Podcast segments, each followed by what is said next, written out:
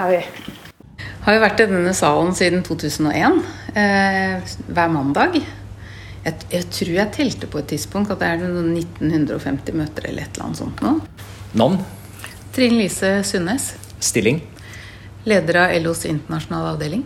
På mandager samles de i dette rommet, de 15 mektigste i LO. Og møterommet med utsikt over Jungstorget oser av historie.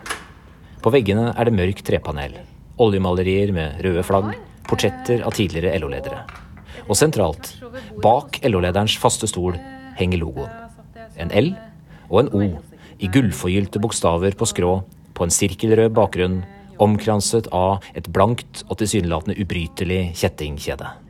Det var vel den eh, jeg gikk ut som har sittet lengst i sekretariatet av alle. Litt rart. Hvorfor vil du på Stortinget? Fordi eh, jeg har et ønske om å være med og bidra til å sette Arbeiderpartiets politikk ut i livet. Eh, vi går til valg på et knallsterkt program som både tar opp i seg eh, å styrke arbeidstakerrettighetene, eh, skape nye jobber, eh, få til en sterkere velferdsstat som svarer på de utfordringene som denne høyreregjeringa på mange måter har skapt for vanlige folk. Eh, samtidig som klima, miljø og natur skal danne rammen rundt alt det vi gjør. Så på mange måter så endelig har vi, mange, har vi fått eh, Brundtland-rapporten i praktisk politikk. Eh, det gleder jeg meg til å være med og bidra til. Trine Lise Sundnes er lederen LO aldri fikk.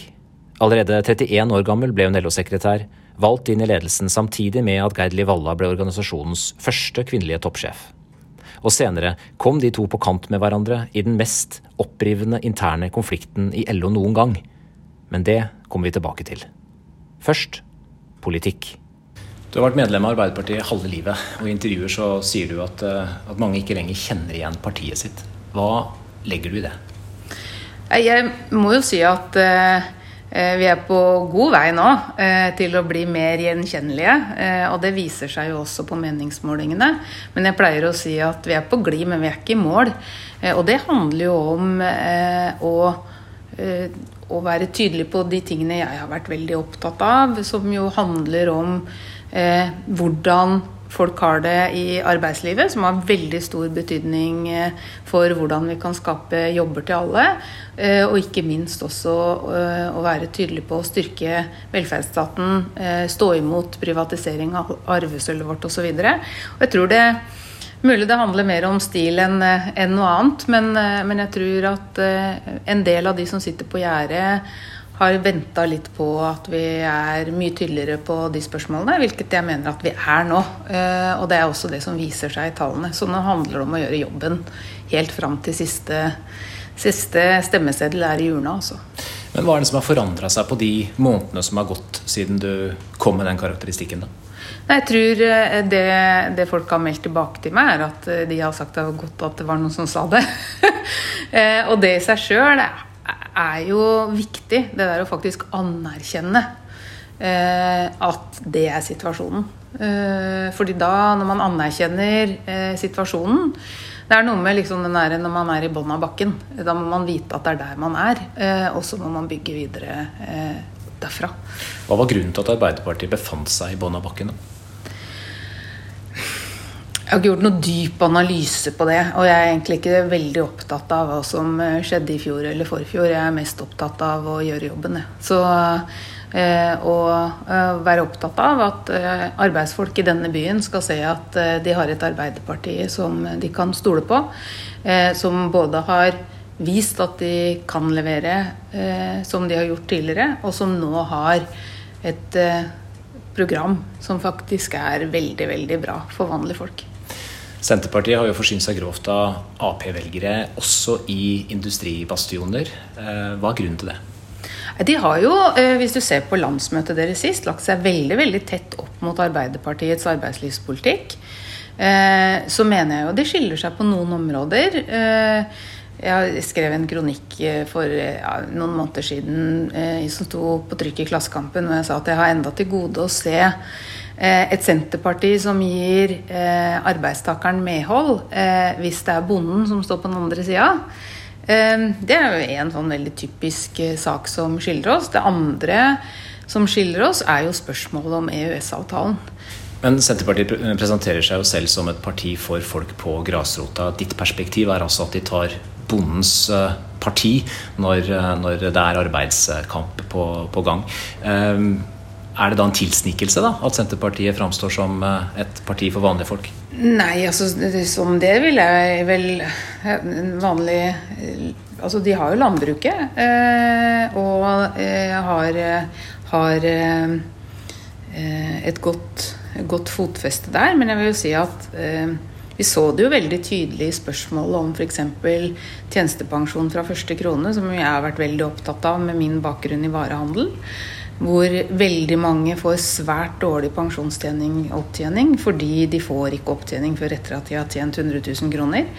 Um, vi kunne fått flertall og fiksa den uh, biffen, uh, hvis vi skal si det, for et par år siden. Men, men, Senterpartiet sa nei, og de la seg på Erna Solberg og regjeringens forslag om å legge dette til et utvalg. Selv om alle visste at dette var altså gjennom eh, eh, eh. Det var rapport på rapport på rapport. Det eneste det treneringsforslaget har medført, det er at unge folk i dag har tapt 10 000 kroner i året i framtidig pensjonsopptjening hvert eneste år. Eh, vi får utsettelse på den saken. Etter tolv år som LO-sekretær ble hun sjef i Fagforbundet Handel og Kontor, eller HK, som hun sier. Og underveis ble hun flere ganger trukket fram som kandidat til den ene toppjobben etter den andre. LO-leder, partisekretær, minister. LO vil ha deg som statsråd i en ny rød-grønn regjering. Kunne du tenke deg det? Jeg tenker at eh, det aller viktigste for meg nå, det er at jeg har eh, sagt at jeg er stortingskandidat. Eh, så tenker jeg at det er uklokt å drive og dele ut statsrådsposter eh, før vi har et valgresultat, rett og slett. Eh, og det er litt sånn jeg skjønner at pressen gjerne byr opp til dans, men det er ingen å danse med akkurat nå, for å si det sånn. Prøver allikevel. Hvilken post kunne du tenkt deg, da? jeg må nok stå over dansen foreløpig, og er opptatt av å gjøre en så god valgkamp for Arbeiderpartiet som overhodet mulig. I 2008 så ble det trukket fram som uh, mulig statsråd allerede den gangen. Da var, da var det Manuela Ramin Ospesen som skulle erstattes som barne- og familieminister. Hva er det med deg og alle disse posisjonene du lanseres til? Altså, Du har helt rett i det. Det har vært mange spekulasjoner opp gjennom årene om posisjoner. Og jeg, hver eneste gang så har jeg egentlig tatt det som et kompliment. da. Eh, rett og slett fordi det betyr jo at eh, Eh, at folk ser til deg. Eh, men, eh, men, jeg legger ikke noe mer i det enn det. Er du ambisiøs? Jeg er opptatt av resultater. Det er det ingen tvil om. Men jeg er også opptatt av folka rundt meg. Så, og det, når det går i hånd i hanske, så, så har jeg det bra. I 2019 så støtta du en uttalelse fra SV om at alle fem opposisjonspartiene til venstre for regjeringa burde søke sammen i en rød-grønn allianse foran stortingsvalget. Mener du SV bør inngå i en ny rød-grønn regjering selv om Arbeiderpartiet og Senterpartiet skulle få flertall alene? Altså Jeg kom jo fra et forbund, da, HK, som ikke for veldig mange uker siden hadde et representantskap hvor, hvor jeg tror de to siste linjene i deres uttalelse var at de ønska en Arbeiderpartiledet regjering med et sterkt SV. Er du enig i det? Ja, det syns jeg hadde vært fint. Hva er det SV kan bidra med inn i en sånn regjeringskonstellasjon som uh, kanskje er vanskeligere å få til med Senterpartiet alene? Jeg tenker at uh, Arbeiderpartiet har jo god erfaring med samarbeidet med Senterpartiet og SV. Uh, det har gitt svært mange resultater som har kommet befolkninga i Norge til gode gjennom perioden sist. Så jeg tenker at det er all grunn til å gjenta den suksessen. Er det ikke litt paradoksalt at en Ap-kandidat ønsker seg et sterkt SV? Nei, syns ikke det. Fordi?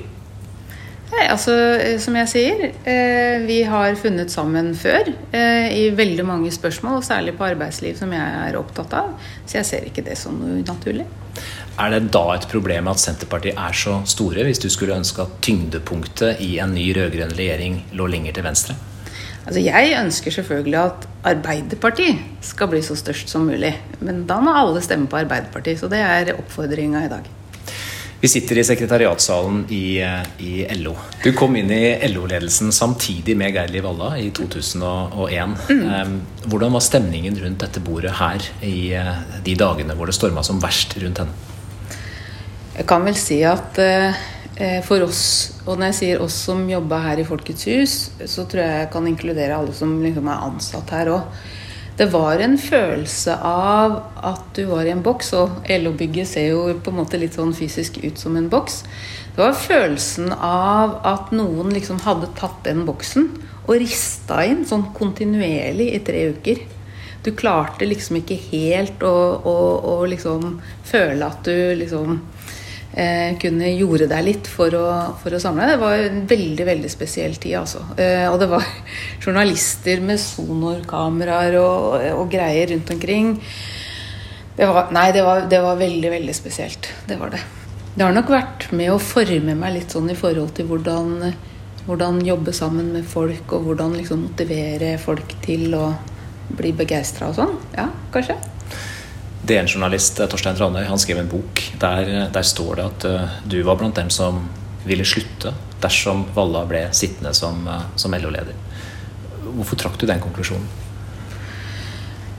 Jeg, jeg, tror det handler noe om egen integritet. Jeg pleier å si det sånn at uh, du må liksom rede deg på den måten at du kan både se andre i øya og deg sjæl i speilet når du går forbi om morgenen. Så, så, så det er rett og slett det. og så er jeg egentlig ferdig med det lenge siden. Den 9. mars i, i, år så døde Hans Christian uh, Gabrielsen. Hvordan reagerte du da du hørte om det? Nei, jeg trodde ikke det var sant. Jeg hadde jo snakka med ham kvelden før. Nei, det var Nei, det var ille. Hvordan vil du beskrive ham da? Han var bare en så fin fyr, altså. Han ville alle vel. Eh, han brant for eh, arbeidsfolk. Men han hadde også visjoner. Hvorfor ble du aldri LO-leder selv? Jeg var veldig tydelig på, og var den eh, som gikk ut og, og, sa veldig tydelig tidlig at jeg er ikke kandidat. Eh, fordi jeg syns at Hans Christian var en veldig god kandidat. Og jeg har og hadde ikke noe behov for den type spekulasjon, som jo ofte blir sånn medieskapt eh, tullegreie. Eh, så jeg syns det var viktig å si fra tidlig i prosessen. Men det var jo mange som ønska deg som leder. Du ble lansert som nestleder noen år før det. Og du var til og med oppe i diskusjonen da Geit Kristiansen skulle Eller endte med å bli eh, LO-leder. LO hadde du aldri noen sånne ambisjoner, om ikke selv som på vegne av forbundet ditt? Jeg, jeg tror på mange måter at uh, en del av de diskusjonene går i sirkler en sjøl ikke er en del av. Så det kan godt hende at mange har diskutert mye. Men igjen, da. Jeg tar det som et kompliment. eh, at man er en del av den type spekulasjon. Men jeg mener også det er veldig viktig å være tydelig på at jeg ikke er en aktuell kandidat. Når man ser andre man eh, mener kan gjøre en eh, vel så, om ikke bedre jobb. Hvordan ville de som kjenner deg best, beskrive deg? Oi uh, Tja, si det. Det er hyggelig, hobby. Nei da. Jeg tror det Jeg tror Eh, du har vært inne på det. Jeg tror eh, både liksom tilnærmingen at jeg er ambisiøs, kan være litt flåsete på privaten, altså. Og ha litt sånn, humor ikke alle forstår og sånn. men, men, jeg lever godt med det. Jeg håper de mener at jeg er en hyggelig person. Hva har du lært under koronatida? Det, det er lært at jeg ikke trives på hjemmekontor, tror jeg. Det er, det er, nå skal man jo ikke banne på radio, men det er virkelig ikke for meg, altså. Hva er det ved det som plager deg sånn? Isolasjon. Eh, kommunikasjon med folk på flatskjerm. Det kan man gjøre litt innimellom, men dag ut og dag inn, det er, det er, rett og slett ikke for meg. Jeg kjenner at jeg blir sint inni meg i det der debatten om at nå blir det mer hjemmekontor og sånn. Altså, ja, jeg virkelig kan dra på kraftsalver om hva jeg syns om hjemmekontor, altså. Men når du skrur av PC-skjermen, da, hva er din favoritt sommeraktivitet? Jeg tror det er å spise is og bade. jeg elsker å bade. Uh, og, og, sommer er, er for isspising.